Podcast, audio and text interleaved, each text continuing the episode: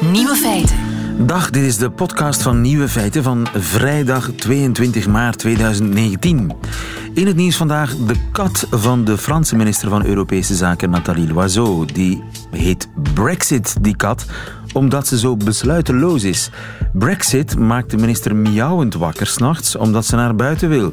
Maar zodra de minister dan de deuren open doet, blijft de kat besluiteloos staan. Als ze de kat dan maar zelf buiten zet, kijkt Brexit haar heel boos aan. Een Britse kort haar, waarschijnlijk. De andere nieuwe feiten vandaag. De partij voor het Forum voor Democratie, liever, van Thierry Baudet wordt de grootste van Nederland. Te hete thee is kankerverwekkend. De komst van de landbouw 10.000 jaar geleden veranderde ons gebit en nu kunnen we de F en de V uitspreken. En dokters zijn erin geslaagd om een op maat gemaakt stuk kaak te kweken op een rib. De nieuwe feiten van wielercommentator Christophe van der Goor hoort u in zijn middagjournaal. Veel plezier. Nieuwe feiten. De uil van Minerva, kent u die? Ik ook niet, maar hij is neergedaald. De uil van Minerva spreidt zijn vleugels. boreale wereld. Mensen die nog nooit een boek hebben gelezen. Doodscultus die ooit Paaseiland Het is pure oikofobie. Maar wij zijn naar het front geroepen. We hebben mammoeten zijn- gevloerd. Het vlaggenschip van de renaissancevloot. Die stupiditeit, die is vandaag afgestraft. Het leek even op het groot dicté der Nederlandse taal, maar het was de overwinningsspeech van Thierry Baudet. Thierry Baudet, na zijn eclatante overwinning gisteren zijn partij Forum voor Democratie, wordt in één klap de grootste van Nederland tot verbijstering van velen. Dag Sander. Goedemiddag. Sander van Horen, correspondent Brussel voor de NOS en onze vaste gast op vrijdag. Sander, leer mij eens een keer iets bij over Nederland. Wat is dit? Waar te beginnen? Het is ehm, voor een deel eh, de proteststem die eh, Nederland natuurlijk al een hele tijd heeft. Hè? Die eh, begon met Pim Fortuyn, die zijn plek vond bij opvolgers in die lijn. Die zijn plek vond bij Geert Wilders natuurlijk. Je ziet veel stemmen van Wilders die verliest gisteravond. Zie je naar Forum voor Democratie gaan. Het zijn de mensen die ontevreden zijn. Die wellicht niet eens zozeer weten waarmee, maar wel degelijk dat ze ontevreden zijn. En wat je dan hoort, en dat is wat ik je dan wil leren over ehm, eh, Nederland, is dat het niet eens uitmaakt hoe degene iets zegt, maar het feit dat hij tenminste iets zegt, dat is voor ons Nederlanders belangrijk. Maar oikofobie in de boreale wereld, de uil van Ja. Minerva die er overheen vliegt onderweg naar het front. Dat is zo ongeveer Ja. de speech van de grote winnaar van de provinciale verkiezingen in Nederland. Maar had, en had na jij het woordje oikofobie werd er gejuicht in de zaal. Hè? En terwijl eh, ik me sterk maak dat, dat eh, veel mensen eh, wellicht met ons niet weten dat dat zelfhaat betekent. afkeer van, van, van de eigen identiteit en cultuur. En dat is wat, wat hij zegt. Hè? Hij, hij zegt de instituties, de, de, de, het kartel zoals hij de andere politieke partijen noemt in Nederland. Ehm, Europa, de journalistiek, die haten onszelf en maken ons van binnenuit kapot. Dat, dat was de boodschap eh, gisteravond. Dat is een soort anti-establishment boodschap. Maar het gekke is dat hij dat verpakt in de meest elitair denkbare stijl. Een stijl die je zelfs niet eens meer ja, elitair kunt noemen, maar eerder ja, naar Vlaamse normen potsierlijk. En vreemd genoeg maakt dat niet uit. En dan, dan moet je niet teruggaan naar Geert Wilders. eh, dan moet je teruggaan naar eh, Pim Fortuyn. Eh, gekend homoseksueel, maar daar ook koketterend mee. Dus verklaren dat hij in darkrooms komt. dat hij valt op Marokkaanse mannen. Twee tackles had hij. geaffecteerde professor die zich daar ook op liet voorstaan. Het maakte niet uit. Men vond het belangrijk dat er is iemand was die het eens recht voor zijn raap zei. Dat is het, het Nederlandse eraan. En wat zegt hij dan? Hij spreekt de onvrede uit. En dat doet eh, Thierry Baudet natuurlijk ook. Hij spreekt de onvrede uit met ehm, hoe er geregeerd wordt. Hoe er over de hoofden van de mensen heen, tenminste dat is het gevoel wat mensen hebben, ehm, eh, wordt geregeerd, besloten en bepaald. En dat eh, verwoordde hij gisteren wel wat concreter. Hè? Het zit hem in de aversie tegen, in de woorden van Baudet, de massa-immigratie. Het zit hem in de aversie, uh, en daar herken je ook Donald Trump in, tegen uh, het klimaatfetischisme, waarbij er dure maatregelen aan ons arme mensen wordt opgelegd. Windmolens die de aarde niet ten goede komen en onze portemonnee ook niet. Bijna letterlijk citaat van Thierry Baudet gisteren. Ja, hij is een echte klimaatontkenner. Hij zegt ja. dat is een soort ketterij. Die opwarming van de aarde, ja. een soort masochistisch bijgeloof. Nou ja, in die termen inderdaad. Waarbij uh, uh, vooral het feit dat uh, kennelijk alle anderen daaraan lijken te lijden, aan dat bijgeloof. Mm. hem sterkt, zo lijkt het, in de gedachte dat je dat niet, daar niet moet meegaan. En het interessante is dat bij er is eindelijk eens iemand die het zegt gevoel, betekent niet dat je het overal mee eens bent. Ik sprak uh, vanmorgen uh, iemand die uh, zei dat al zijn buren ongeveer op Forum voor Democratie hebben gestemd. En we hebben het gisteren natuurlijk ook wel in de reacties gezien bij de stembus. Natuurlijk zijn ze het niet met alles eens wat Baudet zegt. En natuurlijk zal iemand die op hem gestemd heeft niet, heeft, niet morgen zijn zonnepanelen van het dak halen. Maar ja, dan ben je het weer op andere dingen met hem eens. Of ben je het gewoon ermee eens dat iemand zich eens verzet tegen de geldende omgangsnormen ook. Hè? Want dat is een interessant verschil tussen uh, Geert Wilders aan de ene kant, maar ik reken daar ook eventjes uh, bijvoorbeeld Vlaams Belang en de NVA toe, die binnen het parlementaire systeem opereren, die zich houden aan de geldende regels daar, grosso modo. En Thierry Baudet doet dat niet. En in die zin lijkt hij dus eigenlijk veel meer op Pim Fortuyn toen. Hij is een nieuwe Fortuyn, maar als ik de standpunten van Fortuyn herlees, ja, dan lijkt hij wel een koorknaap. Of in ieder geval. Ja, en hij sprak tenminste nog normaal. Ja, ja, en dat is uh, uh, iets waar de partijen de komende tijd uh, moeilijk mee gaan hebben. Um, dat zag je gisteren al. Hè. De, de, mores binnen de Nederlandse politiek is dat je de winnaar feliciteert. Dat deden de meeste partijen ook braaf. Um, Baudet deed dat niet. Nee, hij hoeft natuurlijk niet zichzelf te feliciteren. Maar er was nog een andere grote winnaar. De tweede grote winnaar, dat is GroenLinks.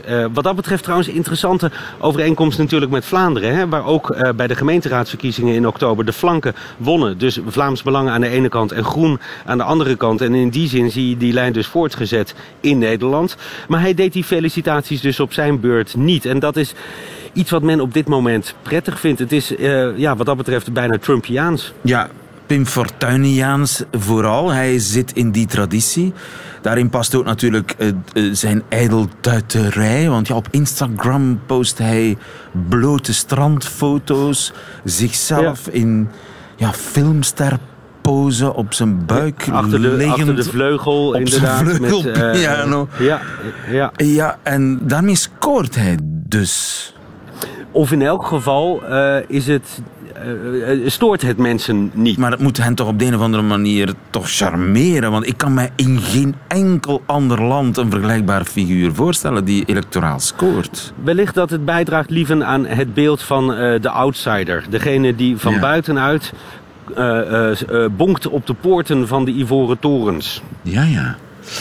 Kan hij premier worden? Iemand die klimaatopwarming ontkent, die radicaal rechts Uiteindelijk is, dat voor de vraag of iemand premier kan worden niet interessant. Uh, voor de vraag of iemand premier kan worden is uh, voorlopig interessant. Wordt hij de grootste partij van Nederland? Nou, zouden dit Tweede Kamerverkiezingen zijn geweest, dan was het antwoord ja. Uh, je hoorde gisteren al wel de notie bij andere partijen, maar dat is misschien meer de wens die de vader was van de gedachte, dat dit tussentijdse verkiezingen zijn, relatief onbelangrijke verkiezingen voor de Provinciale Staten en getrapt uh, daarna voor de Eerste Kamer. Maar uh, dus de verkiezingen om een proteststem te laten horen. En daaruit sprak een beetje de hoop vanuit die politici dat het bij de Tweede Kamer wel weer rechtgetrokken zou worden. Dat moet je af. Maar voorlopig heb je natuurlijk een uh, interessante periode daartussen. Hij is de grootste in de Eerste Kamer. Dat betekent dat hij wellicht zou moeten samenwerken met uh, het kabinet Rutte om dat kabinet, wat nu een minderheid heeft uh, in de Tweede Kamer, zijn meerderheid kwijt is, om die aan een meerderheid te helpen. Gaat hij dat doen? Op welke manier gaat hij dat doen? Maar nog interessanter wellicht wordt om te kijken hoe het gaat met die provinciale besturen. Sommige provincies is Forum voor Democratie de grootste geworden. In andere provincies de tweede partij. In beide gevallen zullen ze mee moeten gaan besturen. En gisteren werd al vastgesteld door mensen in die provincies dat soms de lijsttrekker natuurlijk wel gekend is, maar de andere mensen die namens Forum voor Democratie op die lijst stonden, zijn niet gekend. De standpunten provinciaal zijn die er nauwelijks. Dus ja, hoe gaan ze dat managen en gaan ze uh, voorkomen dat mensen uh, uit die partij klappen, dat er scheuringen en splitsingen ontstaan, uh, dat er cordons sanitair om ze heen worden gelegd? Dat is natuurlijk een hele interessante ontwikkeling die je de komende maanden op provinciaal niveau in Nederland gaat zien. Ja, spannende tijden gaan we tegemoet. Dankjewel Sander van Horen. Goedemiddag. Nieuwe feiten.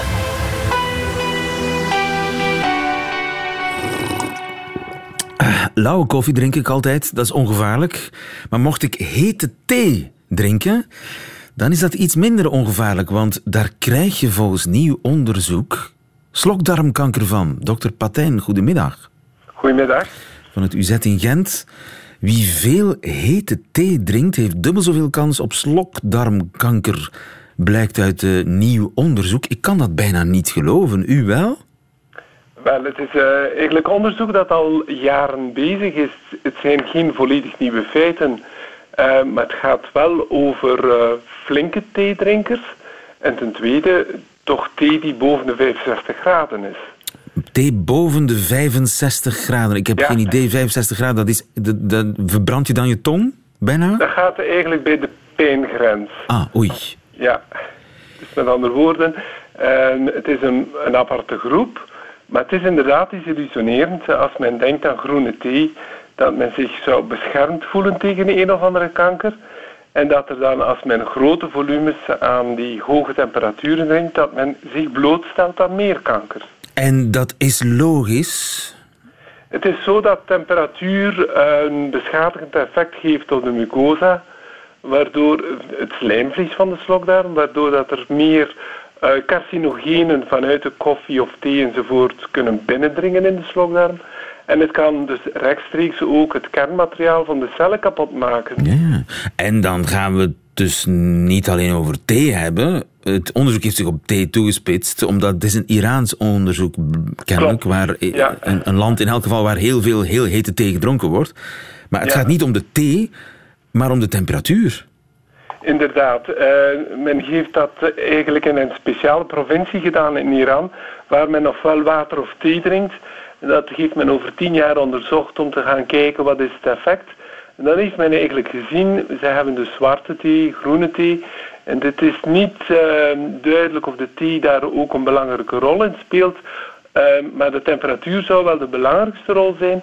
Waarom weet men dat niet precies over de thee zelf? Omdat precies diegenen die de hoogste temperatuur nemen, zijn ook diegenen die het meest drinken van die thee. Vandaar dat dat een beetje verwarrend is.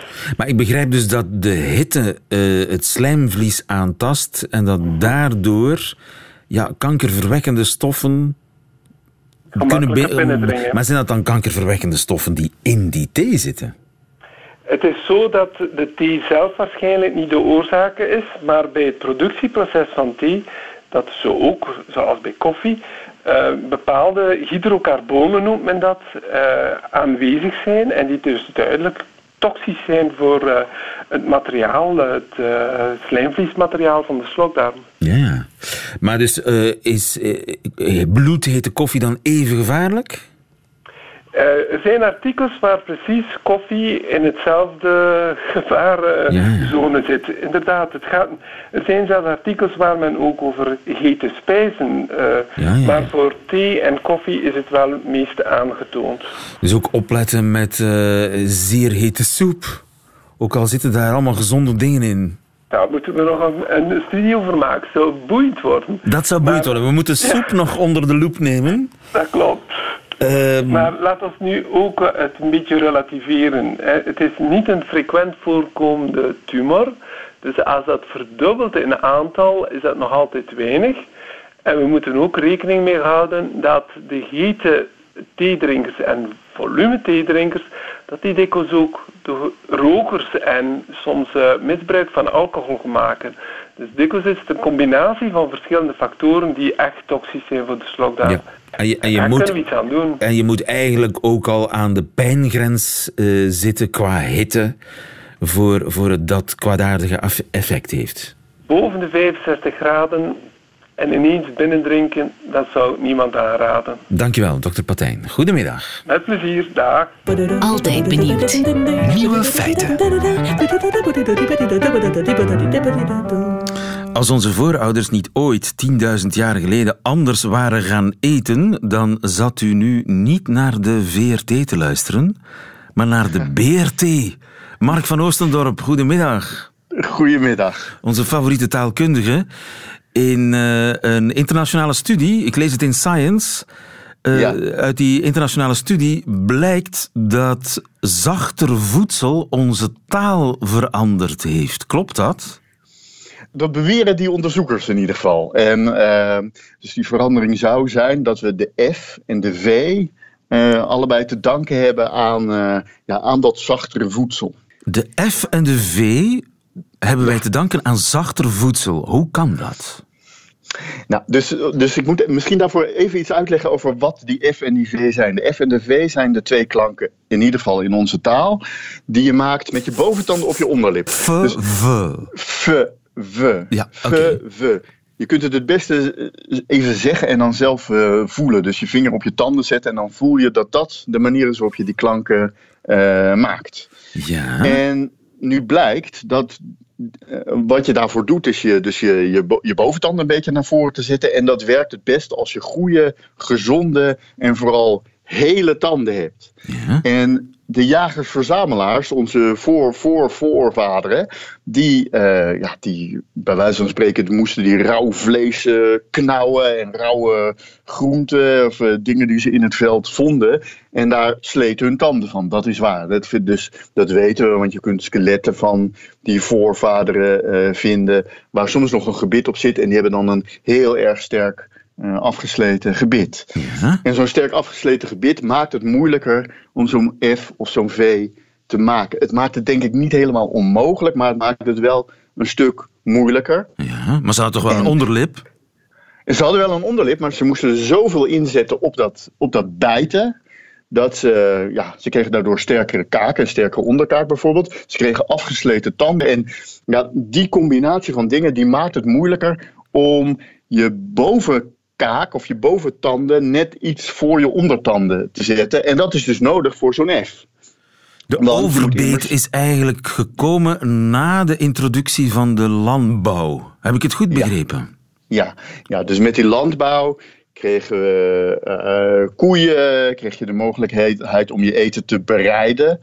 Uh, in ieder geval veel meer tijd en mogelijkheden daarvoor kreeg je dus ja, voedsel dat niet alleen maar rauw was. Hoefden we dus minder te investeren in dat bijten. Dus kwam er minder druk te staan op onze tanden. kwam er ook misschien minder druk te staan op onze kaak. En kregen we dus, hielden we dus langer een gezond, ja, gezonde mond, zou je kunnen zeggen. En met een gezonde mond kun je makkelijker die F en die V zeggen. Want wij hebben een overbeet. Hè? Wij, mijn tanden staan niet op elkaar. Mijn, hm. mijn tanden haken een beetje over elkaar heen. En dat maakt die, uh, ja. die V en die F makkelijk uitspreekbaar.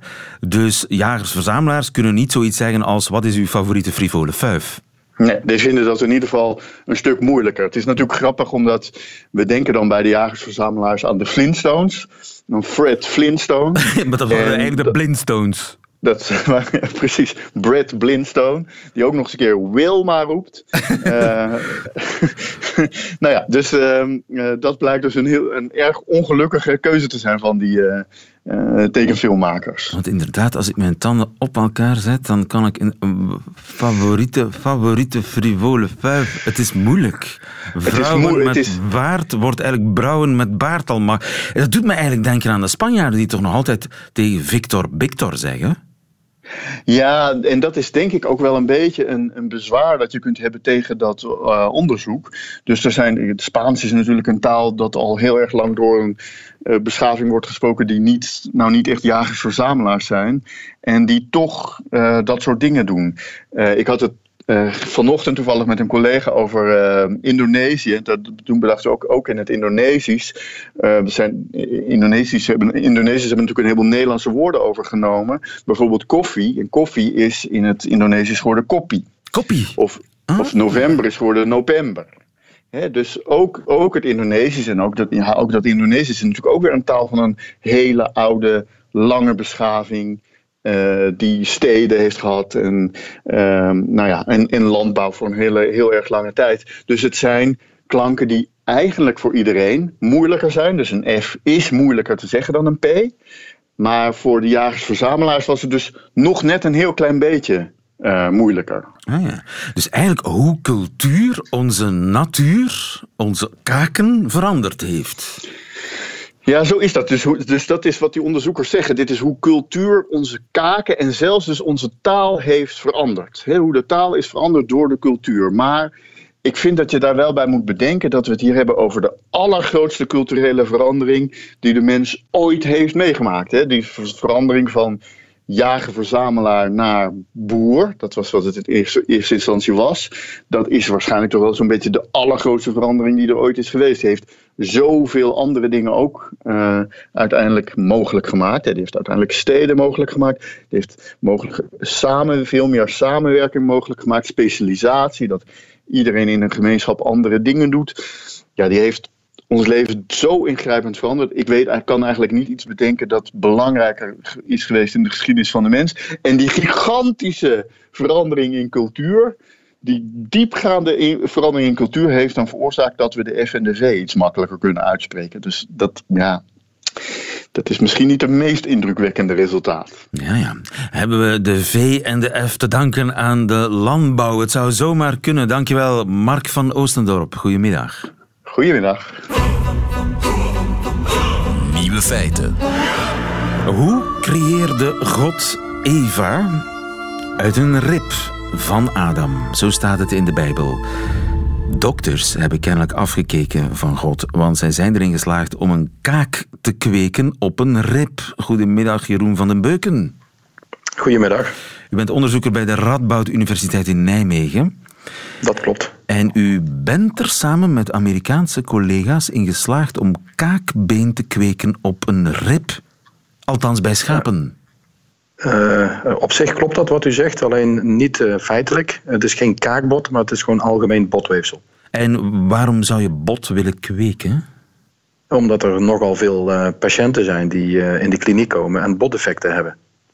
En die moeten geholpen worden als die boteffecten te groot zijn. Dus daarvoor zou je het liefst lichaams-eigen materiaal, in dit geval uh, gekweekt materiaal, uh, gebruiken om in die defecten uh, in te brengen. En dan ervoor te zorgen dat regeneratie van dat defect plaatsvindt. Oh ja, dus het gaat niet, niet om breuken, hè? want als ik een been breek, dan groeit het toch terug aan elkaar. Uh, ja, maar ook niet in alle gevallen. Dus daar zou het eventueel, maar dat is een andere toepassing. Maar daar wordt ook inderdaad een, een, eh, een regenerative medicine uh, therapie gevolgd om te kijken of we daar ook een verbetering kunnen uh, geven. Maar niet, niet met de manier zoals we hier hebben gedaan, waar u nu contact over heeft opgenomen. Maar zoals u het nu uitlegt, dan is het toch een soort reserveonderdeel dat je ergens maakt met behulp van een soort mal. Ja, je gebruikt inderdaad een mal om dezelfde afmetingen te hebben van het defect dat een patiënt heeft. In dit geval was het een diermodel, maar dat zou dus ook in een patiënt eh, kunnen. Uh, maar het grote voordeel is dat je niet gewoon vermalen botweefsel van de patiënt zelf gebruikt, maar je gebruikt verbalen botweefsel dat van tevoren reeds uh, een, een doorbloeding heeft gehad, heeft gekregen, waardoor er dus bloedvaten door het botweefsel heen zitten. En dat is functioneel.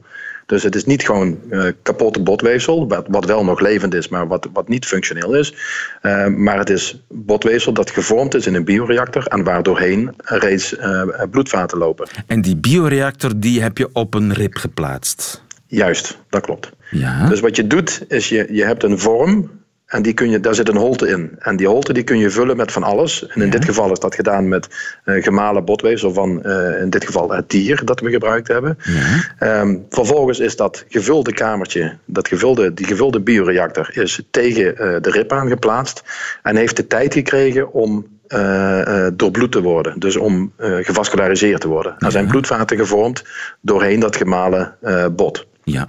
En, en, dat wordt een, een vast geheel. En dat is na verloop van tijd dan uh, uh, van die rib afgehaald. Uh, en is geplaatst in een defect met dezelfde dimensies als dat kamertje. Ja, ja. Dus dat, dat blokje wat erin gevormd is, heeft dezelfde dimensies als het defect wat is aangebracht. En dat blokje is vervolgens in die kaak gebracht, ja. in dat defect. Ja. En daar zijn ook de bloedvaten aangesloten op, het, ja, gewoon op, op de normale bloedsomloop van, van in dit geval het dier. En dat is een geweldige doorbraak dat dit gelukt is. Dat is op zich een hele mooie stap, absoluut. Ja. En want wat is het grote voordeel? Het grote voordeel is dat je uh, grotere defecten uh, op deze manier zou kunnen regenereren met lichaams-eigen botweefsel. En vandaag de dag moeten mensen met een, met, soms met een halve kaak verder door het leven. Uh, ja, dat zou kunnen. Dat klopt. Dat is spijtig inderdaad. Maar dit biedt niet meteen een oplossing voor volledige kaken of voor halve kaken. Het biedt een oplossing voor defecten in het kaakgebied. Daar zitten bijvoorbeeld geen zenuwen in. Dus het is niet volledig functioneel weefsel zoals we dat kennen uit een orgaan, uh, dat wij als een bot zien. Het is niet uh, zoals een bot zoals eh, in, in, het onderbeen bijvoorbeeld zit of in het bovenbeen. Het is gewoon een, een fragment van een botweefsel. Ja, van je kunt niet een nieuw been ergens maken. Nee, dat is, niet, dat is niet de mogelijkheid hier. Maar wel een, een geweldige stap vooruit. Dankjewel Jeroen van den Beuken. Absoluut. Goedemiddag. Ja, dankjewel. Nieuwe feiten. Middagjournaal. Goedemiddag. Als het tijdslot gerespecteerd wordt en er niet te veel hinder is van de acties van Skies, sta ik op dit ogenblik, wanneer dit middagjournaal wordt uitgezonden, op een startbaan in Zaventem in een vliegtuig naar Milaan. Want komende zaterdag is het weer zover. Milaan-San Remo, La Primavera, de eerste echt grote klassieker van het wielerseizoen. Vanavond kunnen we dan nog tijdig bij de persconferentie van Vincenzo Nibali zijn, de Italiaanse winnaar van vorig jaar. En zo voor de nodige content zorgen voor de redactie van Sportza.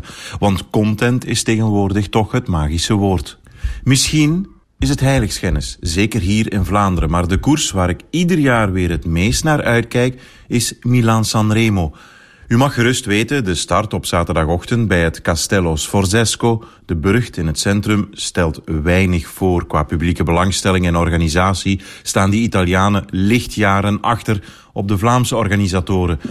En toch, op vrijdag gaan we langs bij de Belgische renners voor een interview van het ene hotel na het andere. Meestal schijnt de lentezon al. De temperatuur is heerlijk mild. De zonnebrillen zijn niet weg te slaan uit het straatbeeld. De scooters en Vespa's manoeuvreren zich tussen de auto's en voetpaden.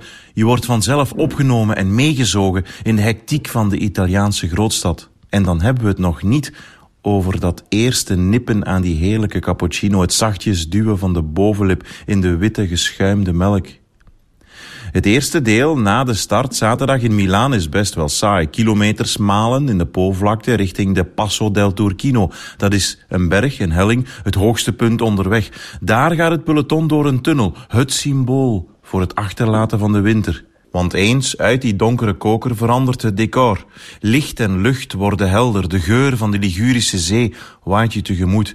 En ook al zijn de serres van de bloemenindustrie op en rond de mythische Poggio di Sanremo in verval, Wanneer je voorbij de fontein rijdt, op weg naar de aankomst op de legendarische Via Roma, Merks won daar zeven keer, overvalt je een gevoel van Italiaanse gelukzaligheid, aangewakkerd door de geur van look uit de achterkeukens. In Milaan Sanremo krijg je opnieuw lust in het leven, de potentie wordt aangewakkerd. Je hebt letterlijk de lente geproefd, energie getankt voor de komende weken. Na afloop rijden we weg, bergopwaarts, richting de autoweg. Net voor het opdraaien aan het tolhuisje kijk ik nog even achterom, naar beneden, zie Sanremo liggen en besef opnieuw waarom ik zo van deze koers houd.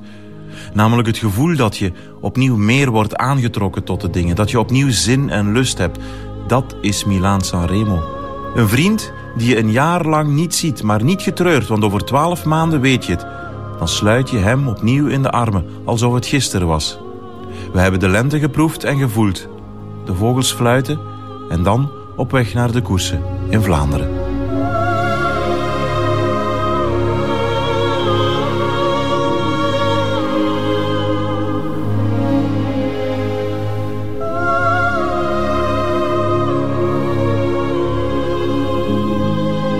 Het middagjournaal van Christophe van der Goor. Einde van deze podcast. U vindt er nog veel meer op radio1.be en op de podcastkanalen. Tot volgende keer.